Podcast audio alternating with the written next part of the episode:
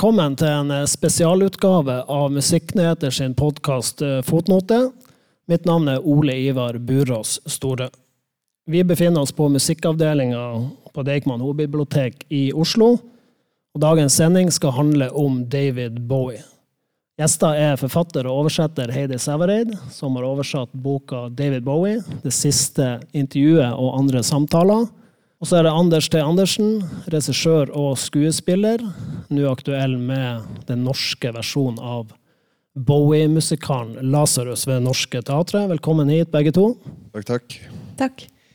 Heidi, du var jo faktisk gjest i andre episode av Fotnote.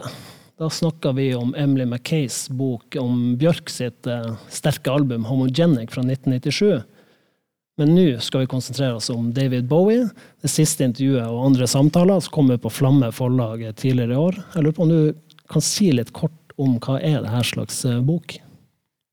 Det det, det det i alle fall ikke er, er en komplett bok om David Bowie. Fordi eh, det er jo bare noen få nedslagspunkter og en, et lite knippe intervjuer som han gjorde på ulike tidspunkt i, i, karrieren. Så det er absolutt ikke en bok som gir den fulle historien om Bowie. Men, det, men, eh, men det, gir, det er en bok som gir innblikk i hvordan Bowie utviklet seg og tenkte på ulike, ulike tider i karrieren. Og det er jo en bok som kom, eh, som kom i en serie som heter eh, The Last Interview, så derfor så er det med eh, det første intervjuet han laget, eh, og det siste. Egen, og ingen av dem er egentlig intervjuer. Det første er et slags, eh, slags BBC-innslag hvor han blir eh, intervjuet om det lange håret sitt, fordi han er med i Society for the Prevention of Cruelty to Long-Haired Men. Og det siste er eh, en sketsj som han gjorde med Ricky Gervais, som jo da blir som den blir når det er en transkribert sketsj. Men innimellom her så, eh, så, finner man, eh, så, finner man, mange lange, gode samtaler med, med, uh, med Bowie. Ofte, da, samt, ofte der inne i samtaler med mange som har like mye å fare med som ham. F.eks. Alexander McQueen og Tracy Emin og William Burroughs. Hva er ditt sånn favorittintervju da, i, i, boka, som måtte velge? Jeg eh, er jo veldig svak for dette intervjuet med Alexander McQueen, men, eh, men, jeg liker også veldig godt intervjuet med William Burroughs. Og disse to funker egentlig godt som et slags, som et slags par, fordi uh, når han snakker med Burroughs på 70-tallet, så er han jo ung og ivrig midt i, uh, midt i Siggy Stardust-perioden. Men når han snakker med Alexander McQueen, så har han uh, så har han jo modnet seg litt. Og det som er morsomt å se, er at Alexander McQueen inntar litt samme rolle som Bowie selv hadde da han snakket med Burroughs. Den, den unge ivrige som eh, bobler over av mer eller mindre gjennomførbare ideer. Og da en litt eldre, kanskje litt faderlig figur som, som er med på, med på notene, men også roer ned. Må gratulere Anders med en strålende mottagelse av uh, Lasarus, men det var vel litt sånn forventa, var ikke ja, var det det? Ikke vet jeg. Uh, ja, altså, det fikk Det er det vanskeligste jeg har gjort noen gang, egentlig. Fordi at den teksten, som jo er en fortsettelse på en film som ingen har sett, det var ikke så enkelt. men kan du si litt om hvordan musikal er der? Altså, det, det, det er eh, Hvordan musikal, vet jeg ikke, men jo, det er en syretripp, på en måte. En helt åpen uh, jeg, jeg, pleier å referere til altså, Du må ikke gå og se den forestillingen og prøve å forstå noe. Du må bare åpne alle glu, luker og glugger, og så bare ta imot og være med på en reise som et slags drøms, drømspill, egentlig. Og vi gjorde en film på 70-tallet med Nicholas Rogue, som i sin tid var en veldig kjent engelsk regissør. og Filmen eh, heter 'The Man Who Fell to Earth'. Det var den første skuespillerjobben eh, Bowie gjorde. Eh, og så hadde han lenge et ønske om å gjøre en fortsettelse på den, den filmen. Og så fikk han det da til gjennom en ja, skal ikke gå for mye detaljer, men han ble kobla opp mot en dramatiker osv. Og, så videre, og så Eh, stupte han det i land før han forlot oss. Det var vel uh, Siste gangen han ble sett offentlig, var uh, premieren i New York. Uh, og så døde han to uker senere. Mm. Det her er jo en science fiction-roman fra 1963. ja, det er altså. jo det er en science fiction-kulthit, egentlig. Og den, den, den blir jo ofte referert til som eh, at den, ja, det er en sci-fi, og det er, handler om noe spasa greier om at det er en mann som har falt ned på jorda og ikke kommer seg herfra igjen, osv. Men den er, også, den er kjent for kanskje å være mest av alt et slags kammerspill, faktisk. Hvordan fikk du eh, jobben med å regissere en norsk versjon? Nei, jeg, jeg tok kontakt med rettighetshaverne. og bare fikk en sånn go på å kunne pitche det opp mot teaterne i Oslo, som jeg har jobbet mye med før. Og så, ja, og så ble det sånn, da.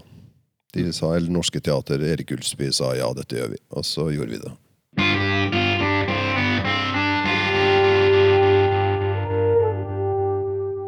Jeg lurer på om du Heide, kan si litt om hvordan du jobber som eh, oversetter. Hvordan går det liksom eh, fram med denne boka her, f.eks.? Det, ja, det varierer jo veldig hva slags, hva slags bok man jobber med. Det er jo ikke alltid man som oversetter får jobbe med morsomme bøker. Eh, jeg er ferdig med et eh, prosjekt nå som var, som var veldig, veldig tungt, men det var det, var, det var det ikke å jobbe med denne, denne boken her. Eh, Det var et veldig lystdrevet prosjekt. Og, eh, men, også, men også utfordrende i den forstand at, eh, at jeg følte at det hvilte et tungt ansvar på meg for å, for å bevare tonen, den ganske unike tonen i måten han snakker på. For det skal jo, også, det skal jo være noe muntlig her, helst. Og eh, samtidig som det skal være presist. Så, så det var en utfordring, men det var, eh, men det var veldig lystbetont hele tiden. Og sånn som jeg jobbet med, med forfatterens uh, redaktør, som egentlig må nevnes som en slags primus motor for en slags Bowie-bølge i Norge, Geir Nummedal i Flamme forlag. Eh, vi jobbet sånn at jeg, at jeg sendte inn ett og ett uh, intervju. sånn at sånn, Vanligvis når man oversetter en bok, så sitter man jo og jobber fra A til B. Men, eh, så, så nå vi det, gjorde vi det som en slags løpende dialog og diskuterte ulike løsninger. Og, så, så var da, med å, ved å jobbe på den måten var vi jo ganske godt eh, kla- klare til å skrive den typen forord som vi, eh, som vi gjorde. Fordi det, opplevdes som et, at det var et slags dialogprosjekt. Selv om det selvfølgelig var jeg som satt og, satt og fant, fant oversetterløsningene. Men det var, nei, det var en kjempe, kjempefin og vanskelig jobb. Du eh, oversetter jo en del ungdomsromaner som eh, jeg antar har en helt annen tilnærming. Men hva er liksom forskjellen på å oversette sakprosa og, og skjønnlitteratur? Ja um det, det, det, er- det er vel ikke så veldig stor ikke så stor forskjell. Det, kom, eller det kommer litt an på hva slags type sakprosa det er. Hvis det for eksempel, jeg oversetter ikke for eksempel tekniske manualer eller, eh, eller, eller den typen ting, hvor man jo, hvor man jo må kanskje ofre det kunstneriske for Eller det er ikke noe rom for det kunstneriske i sånt, men ellers så syns jeg det er ganske det samme, enten det er artikler eller om det er eller essays eller um, intervjuer eller skjønnlitteratur. Men det som jeg alltid syns er vanskeligst, det er når jeg uh, jobber med en bok som har et dårlig språk, og som tydelig ikke er vasket godt fra originalforlaget. For sånn kommer det mye av, særlig fra USA. Og selv om det da kanskje er ikke så litterære bøker, så er det likevel mye vanskeligere, for da må man sitte og nøste opp i Prøve å forstå hva forfatteren kan ha ment med en uklar formulering. Vurdere skal jeg, skal jeg ta med alle de unødvendige gjentagelsene, de samme ordene. Men, men den, det slapp jeg jo helt å tenke på eh, når jeg jobbet med et sånt prosjekt som dette her. For Da, da, da var, det jo, var det jo litt det, og kanskje det vanskeligste var vel å nøste opp i det Burroughs og Bowie mente å si der de drakk seg nedover i vinflaskene. Det var ganske Og der var det, jo, var det jo mange setninger som begynte et sted og endte et annet sted, gjerne i løse luften. Så det, så det, var, var ikke lett, men, men vanskelig på en morsom måte. Ja, For du har noen fotnoter i boka òg, der du påpeker at her må nok Bowie ha tenkt, eller et eller annet. Ja, det er jo noen, noen fotnoter hvor eh, Særlig der, særlig der hvor, hvor jeg kanskje har tatt et, et valg som styrer det veldig i en retning, så, så, så er det greit å ha med at det kanskje, kanskje kan, kan forstås som noe annet, og også noen ganger gi noe, gi noe bakgrunn for de tingene han kommer med. For han har jo mange referanser til særlig ting som foregikk på den tiden, og ja, andre kunstformer og, og diverse. Så litt fotnoter måtte med. Men uh, begynner du, så går du kronologisk til verks? Får du med deg handlinga når du oversetter, eller tenker du bare språket hele veien? Klarer du på en måte å få en distanse til, til teksten òg? Jeg, jeg pleier, faktisk ikke å lese gjennom hele boken før jeg begynner. Jeg tar en liten sånn, jeg skummer, leser sånn vanvittig fort, men ikke, ikke, i dybden. For da opplever jeg det som at det er mer levende mens jeg jobber med det. Uh, sånn at det ikke oppleves som å på en måte møte teksten på nytt igjen. Jeg liker å ha et, sånn friskt blikk på det.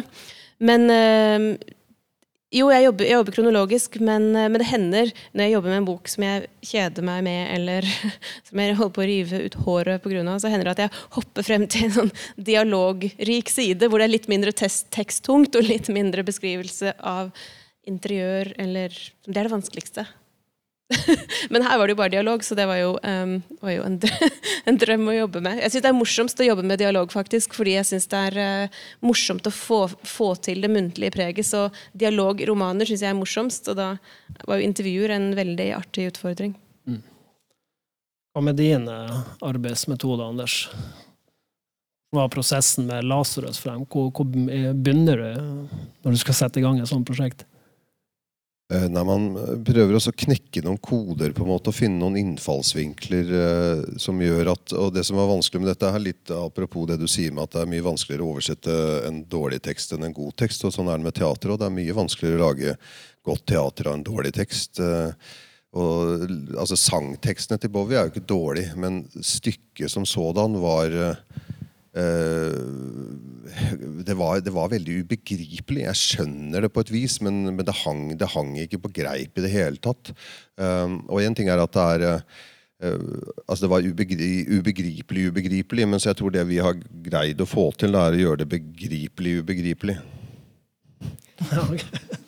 At man skjønner at dette her er en altså Og, det, og det, det, det, knakk vel egentlig noen koder når jeg begynte å tenke sånn at ok, men hvis du skal ta dette på alvor, for det handler jo da om en mann som uh, denne Newton, uh, som er da en alien, og som ikke kan dø, og som er fanget i et slags limbo, uh, hvor han sitter Altså, han eldes ikke, og han kan ikke dø, og han kommer seg ikke tilbake der han kom fra. Så han sitter bare hjemme og drikker gin og ser på TV. Det er det han gjør. og så begynte jeg å tenke, okay, okay, Hvis man tar dette helt seriøst, så vil det jo Og så, og så dukker det jo opp masse i dette stykket som er skrevet, da, masse folk som er både reelle uh, og fiktive. Uh, og så tenkte jeg sånn, jo, men ok, hvis, I psykiatrien, så for eksempel, folk som blir psykotiske, tror veldig ofte at uh, de på Dagsrevyen eller i en film at de snakker direkte til de. Så jeg begynte, så jeg begynte å tenke sånn, ok, hvis du kjører alt gjennom ut av TV-er, og at, at da, da, da, da, begynte det plutselig å henge. Da, da knakk det noen koder da, som gjorde at, uh, at jeg gikk fra å tenke at jeg aner ikke hvordan vi skal få dette til å bli noe uh, mer enn kule låtnummer, liksom, til at det ble en helhet. da. Men uh, hvor, hvor, fritt spillerom har du når du lager en, en egen versjon? Altså, hvor tett opp til originalen må du ligge? Liksom? Altså det, det, der varierer jo. Eh, som oftest når jeg holder på, så har jeg jo helt fritt spillerom og kan herje med ting som jeg bare selv måtte ønske. Mm. Eh, mens her så var det veldig klare eh, retningslinjer fra eh, rettighetshaverne om at du kunne ikke gjøre noe med musikken, f.eks. Eller du kunne, kunne, ikke ta ut en låt. Jeg vet at i Tyskland, for eksempel, noen oppsetninger der, så var det en, denne Mary Lou-låta som står at spilles på contentum, altså som spilles av, eh, ikke spilles live. Den spilte de live, og så kom disse og sa at nei, nei, det må dere slutte med. sånn dere må. Uh, så, men, men, vi hadde jo uh, Vi hadde jo også denne uh, altså en, en kamera, gammel venn av Bove, egentlig, som var han som produserte det, som var her og så premiera. Han hadde ingen innsigelser, så det var, for vi tok oss friheter. Altså. Men vi var nok samtidig altså Man herjer jo ikke med ting for å herje med det, man gjør det jo for å forhåpentligvis gjøre noe bra. Eh, så jeg tror det, det, de tingene vi gjorde Han var veldig fornøyd, da, så det var, det var, veldig gøy at han var det. Men det er jo en diamantralt motsatt prosess ellers enn den du har. fordi ja, jeg sitter jo på en måte og styrer alt, men ja, det er jo en kollektiv kunstart hvor du jobber med en hel haug av folk. Jeg tror at uh, på og av scenen, en avvikling av den forestillingen, så er det involvert over 50 mennesker. Litt mer ensomt å være forfatter og oversetter? Jeg tenker ofte når jeg er ute og holder sånn foredrag, reiser rundt på skoler og sånn, jeg tenker jeg ofte at jeg skulle ønske jeg turnerte med et band. Når, når, når, når kveldene blir lange på, på Nordreisa og hotell, og det eneste stedet man kan gå på er på taket kafé, da, da, tenker jeg at dette er veldig ensomt. Men vanligvis så, så liker jeg å jobbe, jobbe, alene med det. Men i den, i denne tilfellet her så var det jo et, et veldig sånn um, et samarbeidsprosjekt, fordi jeg jobbet såpass tett med, med Geir på dette. Mm. Så, så, da var det det ga, det ga, meg også en, en sånn trygghet på, på de, de, valgene jeg gjorde, ved at, at, alt var egentlig snakket veldig veldig grundig gjennom. Vi har en ganske lang messenger-tråd fra, fra, fra, den, prosessen hvor, hvor, det ble kastet ideer frem og tilbake. Og det var også mye snakk om hvilke, hvilke intervjuer som, som, var viktige å prioritere. Det var ikke alle vi var noe vi ikke fikk rettighetene til, og så, det, så kom dette NRK-intervjuet inn, men alt ble snakket veldig grundig om underveis. Da. Så kan du si litt om det NRK-intervjuet? Hvorfor det ble, Hva er det slags intervju, og hvorfor ble det inkludert i boka? Eh, det var jo eh, Vi tenkte at noe må vi gjøre for å for å sette en slags norsk spiss på det. Og, eh, og, mange av de som Fordi det var også et intervju som måtte gå ut, fordi vi ikke kom i kontakt med, med rettighetshaverne. Så, så, noe måtte vi så Istedenfor å gjøre den tynnere, tenkte vi at nå har vi sjansen til å, til å hive inn noe annet. Så, så, så da De fleste har vel sett, sett på YouTube-videoer med Bowie-intervjuer hvis de er interessert i Bowie. Og mange har jo sett dette intervjuet som Vera Kvål gjør med Bowie på, på 90-tallet. Når han skal ha første konsert eh, som Bowie etter Nei, men Det er i hvert fall et katastrofalt intervju. Fordi de har jo sittet og ventet på å få intervjue ham i flere timer backstage, mens det står folk og skriker og brøler på at han skal komme på scenen. Han vil vel også gjerne på scenen. Så er det 15 minutter med ja, spørsmål som blir plukket ned og revet fra hverandre av Bowie. Og det blir jo da kalt på YouTube 'Bowie gets annoyed'. Jeg syns ikke han blir så veldig annoyed, egentlig. Han er egentlig ganske velvillig, men, vel, men man blir jo ganske sånn blir ganske klam av å sitte og se på det, fordi det er ganske pinlig stemning. Så det var artig å ta det med, selv om man selvfølgelig ikke får blikkene til Bowie eh, med. Så det er det som gjør det veldig pinlig og kleint.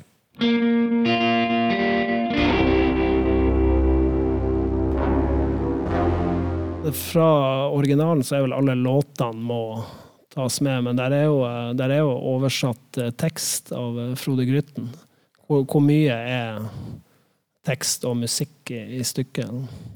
Det er, det, er, det, er, det er, mange låter. Altså det, er, eh, det korte, ofte ganske korte scener. Det var noe av utfordringen å lage en sånn helhet. Altså, altså at, at, det er en låt som At ikke bare kommer en låt. For det var litt sånn opplevelsen også når jeg så det i, jeg så det i Hamburg. At man liksom ikke skjønner eh, Hvorfor kommer du og synger den låta der nå? Liksom, jo, kul låt, det, liksom. Hva har det med saken å gjøre?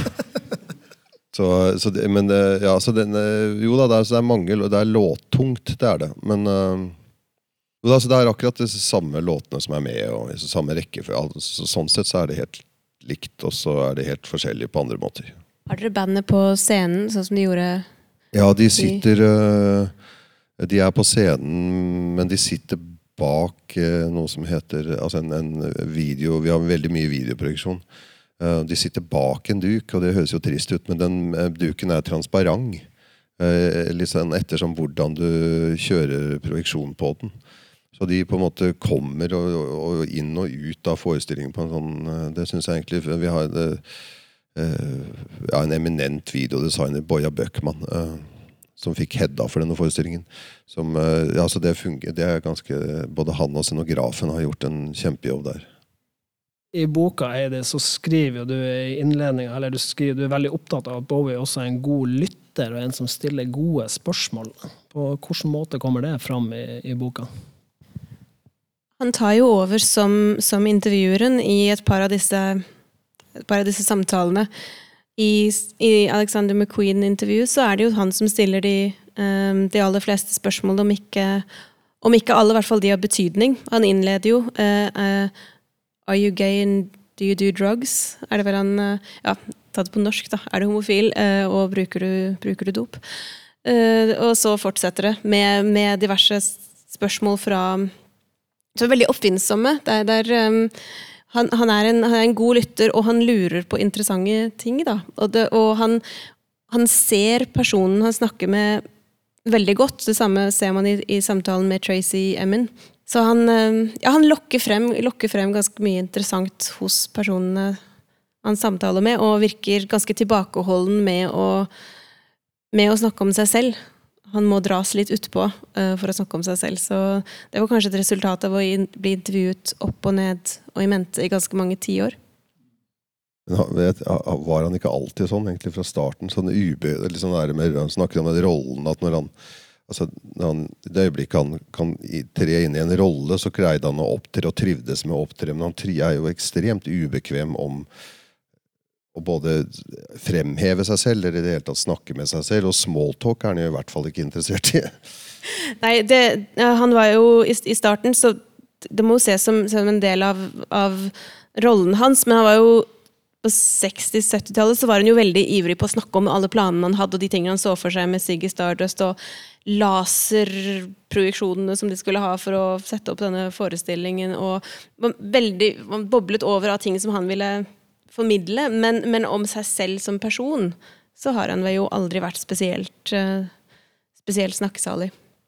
Det er jo et intervju i boken da, hvor han tvinges å snakke litt om seg selv. Det er et intervju som kona eh, Iman har, eh, har gjort med ham på oppdrag fra damemagasinet Bustle. Og da er det jo, da er det jo spørsmål som går på dobbeltdyne, og om han er feminist og litt forskjellig. Men eh, ser dere noe utvikling i, eh, altså i, takt med alderen? At han blir flinkere Absolutt. til å lytte når han blir eldre? Og stiller han andre spørsmål som ung? Eller lytte, vet jeg ikke, men du ser at han at han, at han, han at han går fra en Eller sånn som jeg leser han, i hvert fall. En, en stor, stor grad av uh, følelse av fremmedgjøring til at han med mantra og faller liksom på plass i livet og i familien og begynner å lage dårlig musikk. Ja. det er brannfakkel her. Hva er, den, hva er den dårlige musikken? Nei, det er uh, alt etter uh, Scary Monsters helt til uh, albumet Next Day. Veldig, ga, veldig gammeldags holdninger. Ja. Ikke Heaten eller Outside eller nei, hold opp, Let's Dance. nei, nei, jeg, skulle til, jeg skulle til å si Outside, som jeg liker ja. veldig, jo, da, det, er, det er jo noe fint inni der, men, eh, men, eh, men, det er jo ikke i nærheten av nå. Det der ekstremt Spør meg, da, og mange med meg, det er jo ikke noe oppsiktsvekkende uttalelse jeg kom i det hele tatt. Eh. Men, men, det er interessant da, å se hvordan han, hvordan han igjen liksom, Akkurat som når han har falt på plass i livet, og så, og så kommer det den siste produksjonen hans med jeg, fra The Next Day og Black Star og Lasarus og sånn, hvor han får og Det er vel kanskje noe med å se død, døden i Kvitauget, hvor han får en sånn ny Det er jo Se på Cohens siste album, eller hør på de, eller Johnny Cash, eller hvor de får en sånn uh, kreativ renessanse på tampen av livet, det som er helt uh, hinsides, som kan kanskje sammenlignes med det, det første han, de første år, ti årene han holdt på. Hvordan begynte deres eh, Bowie-interesse, og hvor viktig har han vært for dere privat, men også profesjonelt?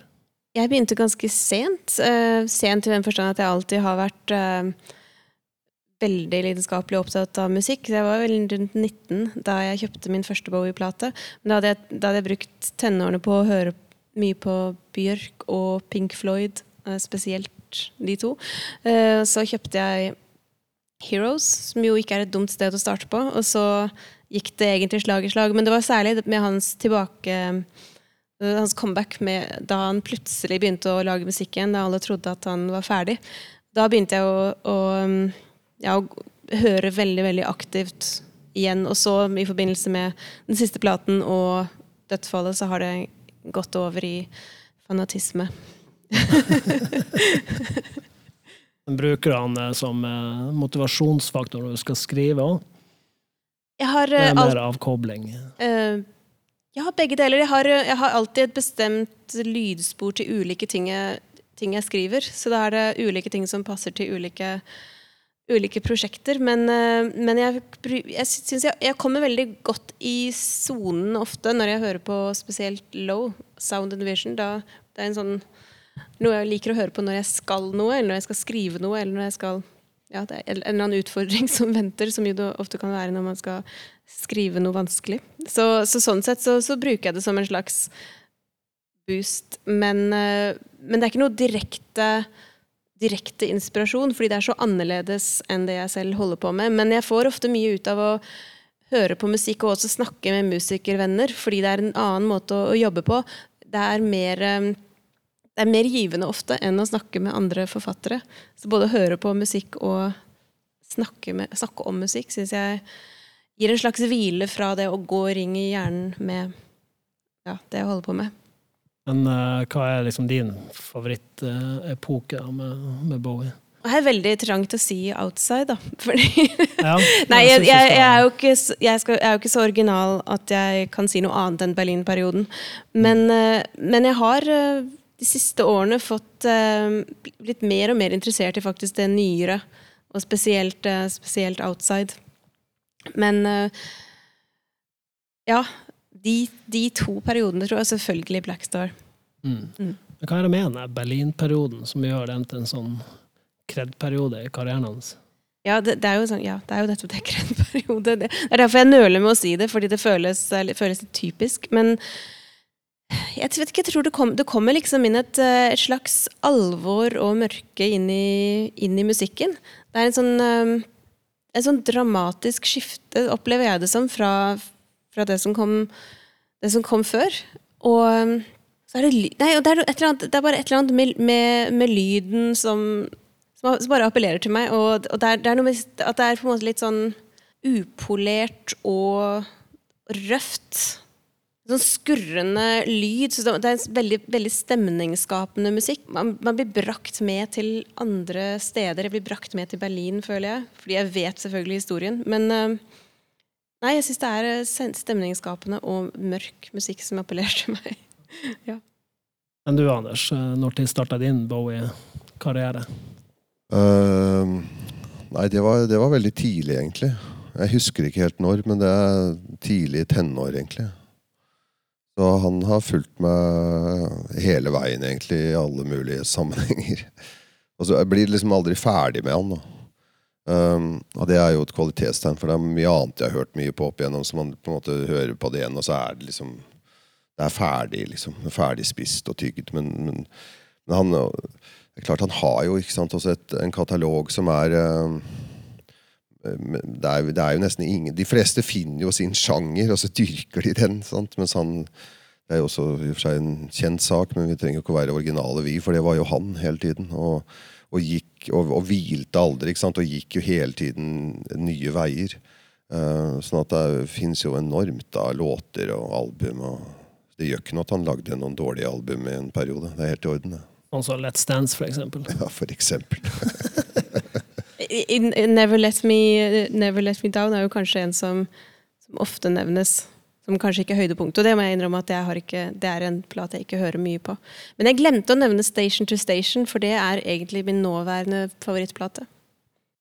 Uh, Men det er jo Berlin Rett før. Rett før ja. Uh, det er jo ja, jeg snakket om mørket som kommer inn i Berlin-perioden. Det er vel egentlig det virkelig, virkelig mørke albumet, hvor han, hvor han etter det må må endre noe. Flytter til Berlin.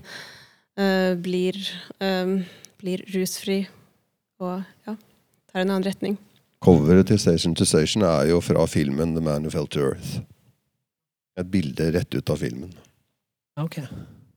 Så har man jo både Low og Station to Station fra filmen. Så det er jo tydelig at den filmen var en, en uh, sånn hovedhendelse i hans liv. Ja, ja jeg anbefaler virkelig. Og det, det ligger, en, den ligger en, en, dokumentar på YouTube som he, bare gå inn og google The Man Who Felt Earth Documentary, så kommer den opp.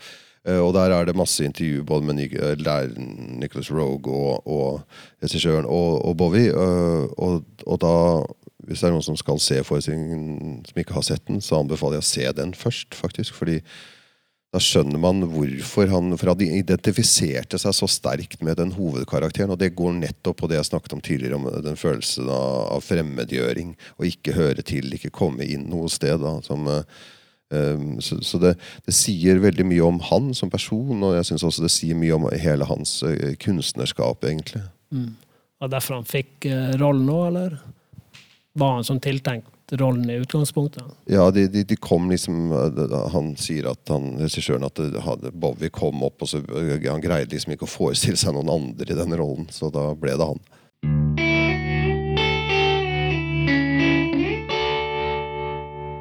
Tenkte jeg skulle bare lese noe kort fra ei bok her.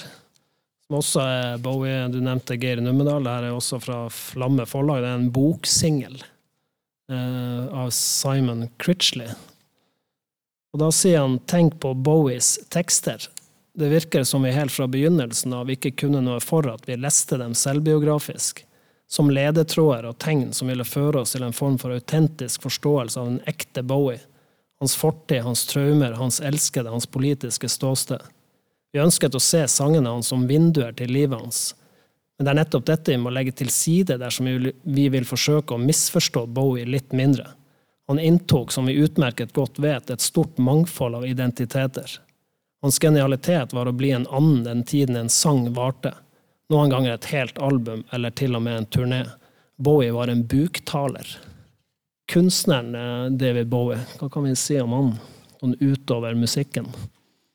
Ja, han har jo vært uh, toneangivende innenfor uh, kostyme, holdt jeg på å si. Altså, hva heter det for noe? Mote. Ekstremt. Altså, vi, jeg tror Det er vanskelig å forstå egentlig nå, fordi at nå er jo alt gjort og, liksom, ja, av, av, kjønnsidentiteter. Alt er jo på en måte tydelig. Men hvor ekstremt det var når han kom Eh, og begynte å kle seg som han gjorde. Og, og at han, uh, at han ble, han ble jo uh, et, et, en, et, talerør og noe man kunne identifisere seg med for annerledeshet. At det var at det, Jeg tror veldig mye av folks måte, forhold til, uh, til han har med det å gjøre. at han at han blir en målbærer av det, at det, er, at det er greit, og at det er det man og at den der fremmedgjøringen, at man, at man kjenner seg igjen i det. Altså.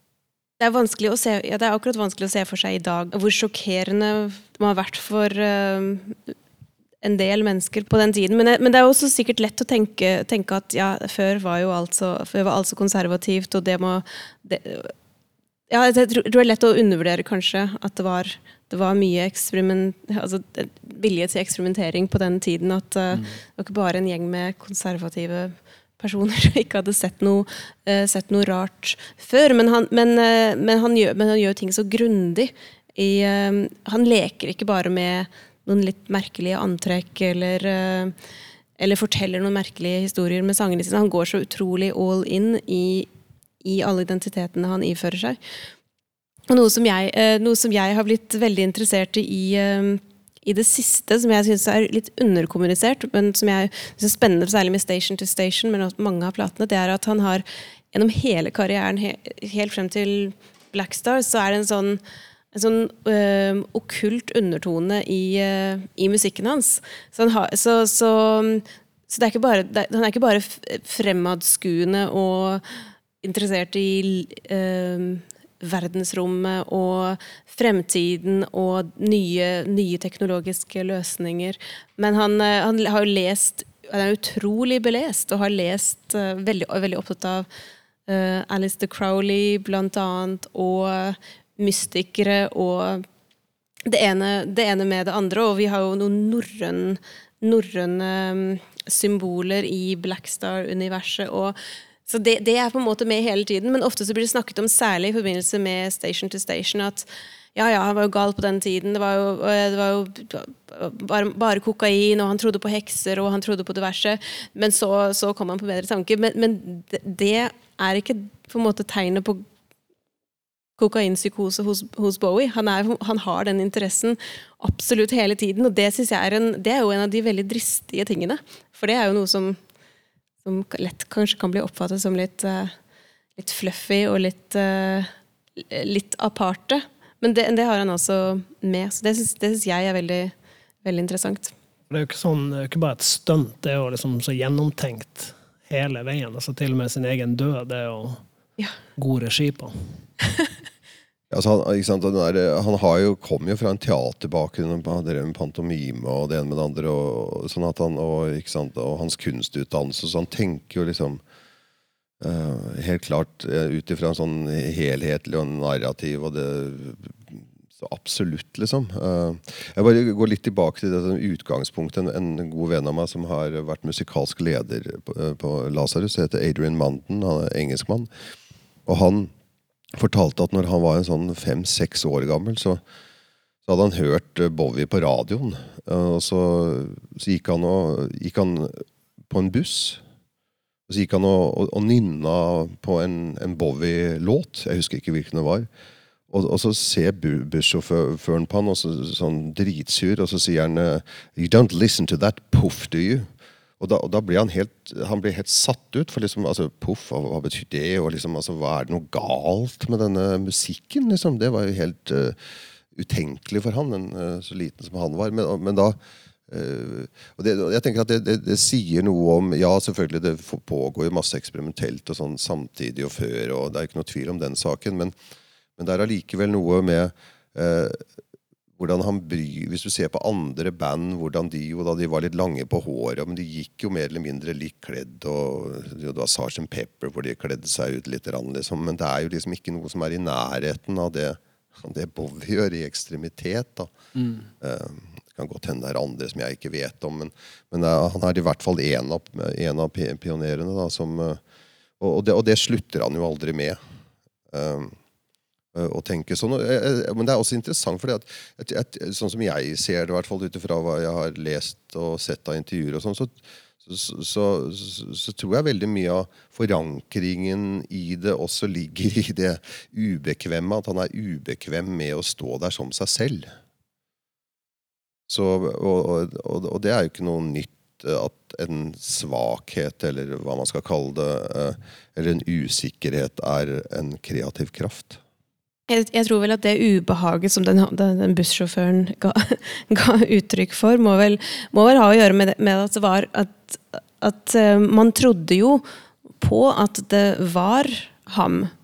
Sånn som han fremstilte seg selv. Så det var ikke noe han bare tok på seg sånn i forbifarten for et bilde. Det var noe som var der hele tiden. Og, det, og, og selv, selv om man nå kanskje mer mer, mer tenker over um, ja, hva det vil si å iscenesette noe, kanskje mer enn man gjorde på den tiden hvor, ikke, hvor man ikke hadde en så lang katalog med, med, den type uttrykk å se tilbake på. Så er det jo likevel Ja, det er jo det vanvittig gjennomførte og ja. Jeg bare skyte en liten ting som jeg synes er interessant i forhold til det der med at, at man identifiserte Han går inn i en rolle, og så tenker man at alt det har med han å gjøre, at det er han egentlig, osv. Jeg tror Nick Cave sa en gang at, at desto mer ekstreme tekster han skrev, desto mer identifiserte folk han med de tekstene. At det var han. og, og og, og, det, og, så har du liksom det opplagte som Knausgård, sånn, hvor, hvor, det er faktiske personer. Men jeg vet jo det fra liksom, folk som skriver. altså Folk sitter jo uh, Og hvis de kjenner en forfatter, så sitter de og leter etter seg selv i det de skriver. Og så blir de ofte nesten alltid da, kronisk misfornøyd med måten de blir fremstilt på. Men folk går jo på teater for å se seg selv. og folk leser bøker for å se seg selv. Eh, så, eh, så, så, jeg tror det å lete etter virkelige personer, enten det er den, man, den som har laget verket, eller den, de i kretsen rundt, rundt verket, er vel, jeg tror, jeg tror vi ikke uansett hvor utrert man skriver. Jeg, jeg, får jo ofte spørsmål om er, er det deg, og det, det tror jeg alle tror jeg alle forfattere får, uansett hvor, om de er knausgård eller ikke. Men det er jo selvfølgelig sånn at som kunstner så er jo den eneste referansen du har, er jo også deg selv. ikke sant? Altså hva um, Du må bruke det springbrettet og altså, det ingen, Jeg kan jo ikke forestille meg hva en annen altså, Når jeg lager dette her, så må jeg bare like noe, lage noe jeg syns fungerer. Uh, noe annet er jo selvfølgelig helt umulig. Og det blandet med den der gjenkjennelsen, som du sier. altså jeg tenker at, at Kunsten er vel en slags uh, uh, trøst for menneskene i denne jammerdalen de kaller livet. det, det, har vel Bowie vært for utrolig mange, det, med tanke på den sorgen da han døde. Mm. Jeg tror Bowie må ha vært personlig viktig for, for, mange, og mange må ha følt at han snakket kun til dem, og at de var den som forsto Bowie. Altså, det, ja, det, for det var, det, der ble jeg tatt helt på senga når han døde, faktisk. Selv om jeg har, jeg, det er jo andre artister og kunstnere og bla, bla, bla jeg har hatt et nært forhold til. Men da ble jeg, når han døde, så ble jeg skikkelig satt ut. Altså. Eh, og, det, og, det, kom som et sjokk på meg, og jeg lurte veldig altså, jeg lurte på hvorfor det var sånn. og det det, det, tror jeg igjen har med den der målbæreren av, av følelsen av fremmedgjøring og sånn å gjøre. At derfor så blir han liksom på en måte soundtracket på for, for, for det, liksom.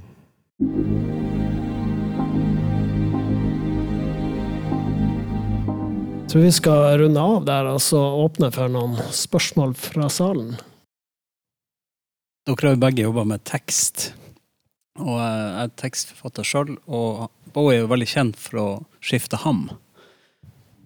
Lesmessig, hårmessig og sånn. Men hvordan, tekst, altså hvordan utvikling ser dere i han som tekstforfatter i hans karriere? Om det er en. Det er det utrolig Det er et, det er et vanskelig spørsmål. Uh, jeg, det var derfor jeg nikka mot deg. jeg tenker Hvis man, hvis man, hvis man f.eks. stiller det spørsmålet om, uh, om Beatles, så er det jo veldig lett å, lett å svare på det. For da mm. starter det jo med ja, She Loves You og, og Love Me Do, og så, og så, går det videre til noe gjennom uh, ganske psykedelisk og kompleks til uh, noe mer politisk og det å fortelle historier. Så, så, der er det på en måte en ja, den, den samme utviklingen syns jeg ikke det er hos Bowie, fordi det er så mye som er på plass der helt fra starten av.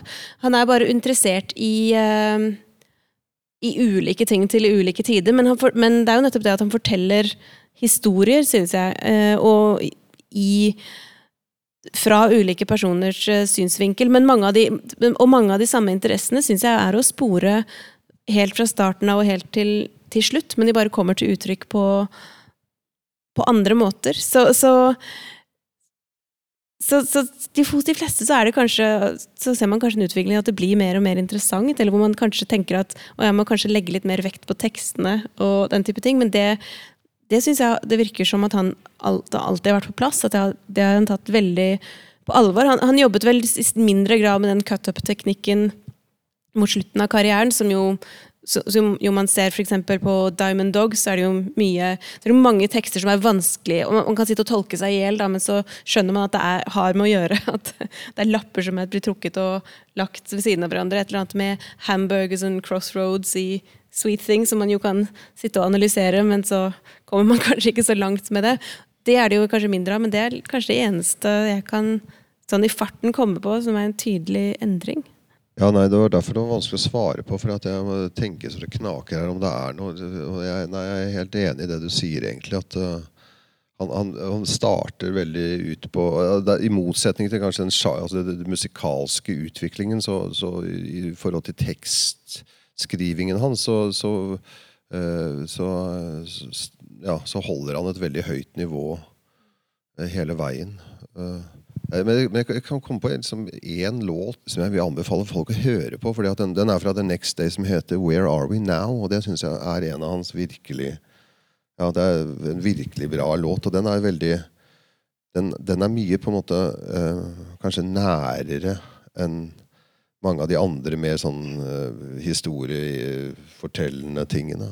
Jeg skulle, å, jeg skulle til å nevne den, eh, den jeg også, for der har man jo et sånn tilbake der, der, kjennes det mer som Bo, Bowie selv kommer gjennom, men hvem er Bowie? Men, uh, men han Ja, han, det er et, tyd, et, et, menneske, eller noen mennesker som tydelig har et langt liv bak seg, og ser tilbake.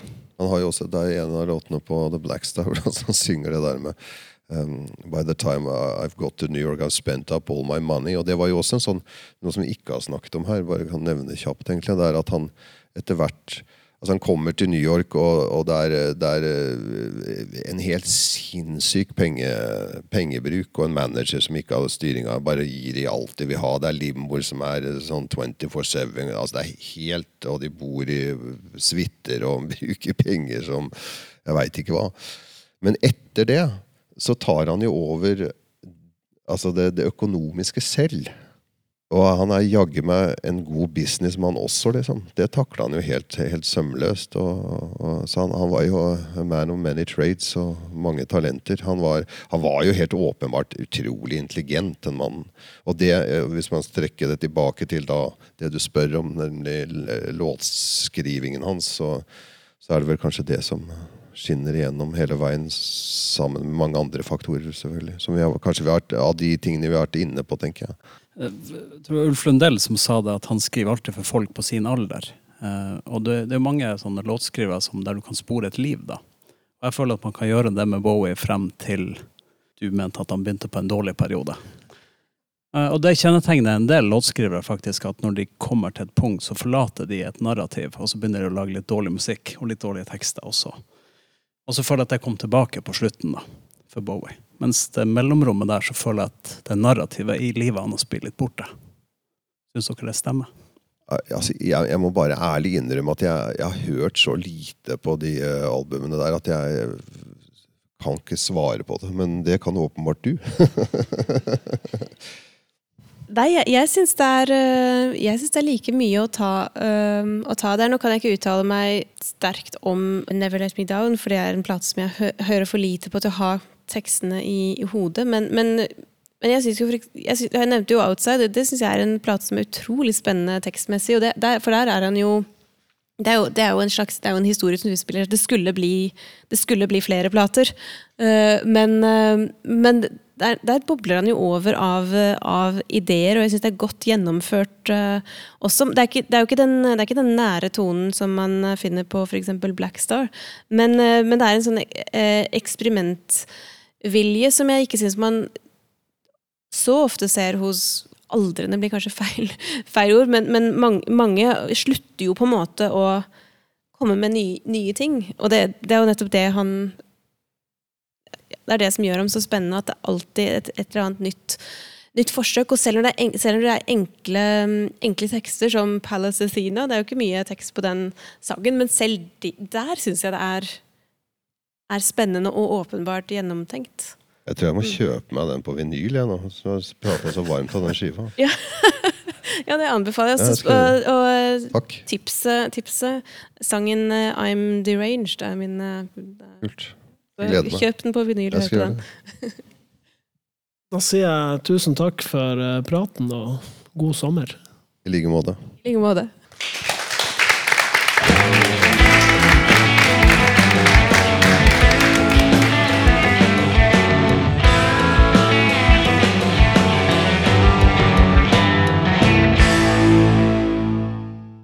Fotnote presenteres av musikknyheter.no og er laga av Ole Ivar Burås Store. Jingles av Jan Roger Trønnes. Intro og redigering av Raymond Jensen. Les mer om fotnote, gjestene, bøkene og artistene på musikknyheter.no.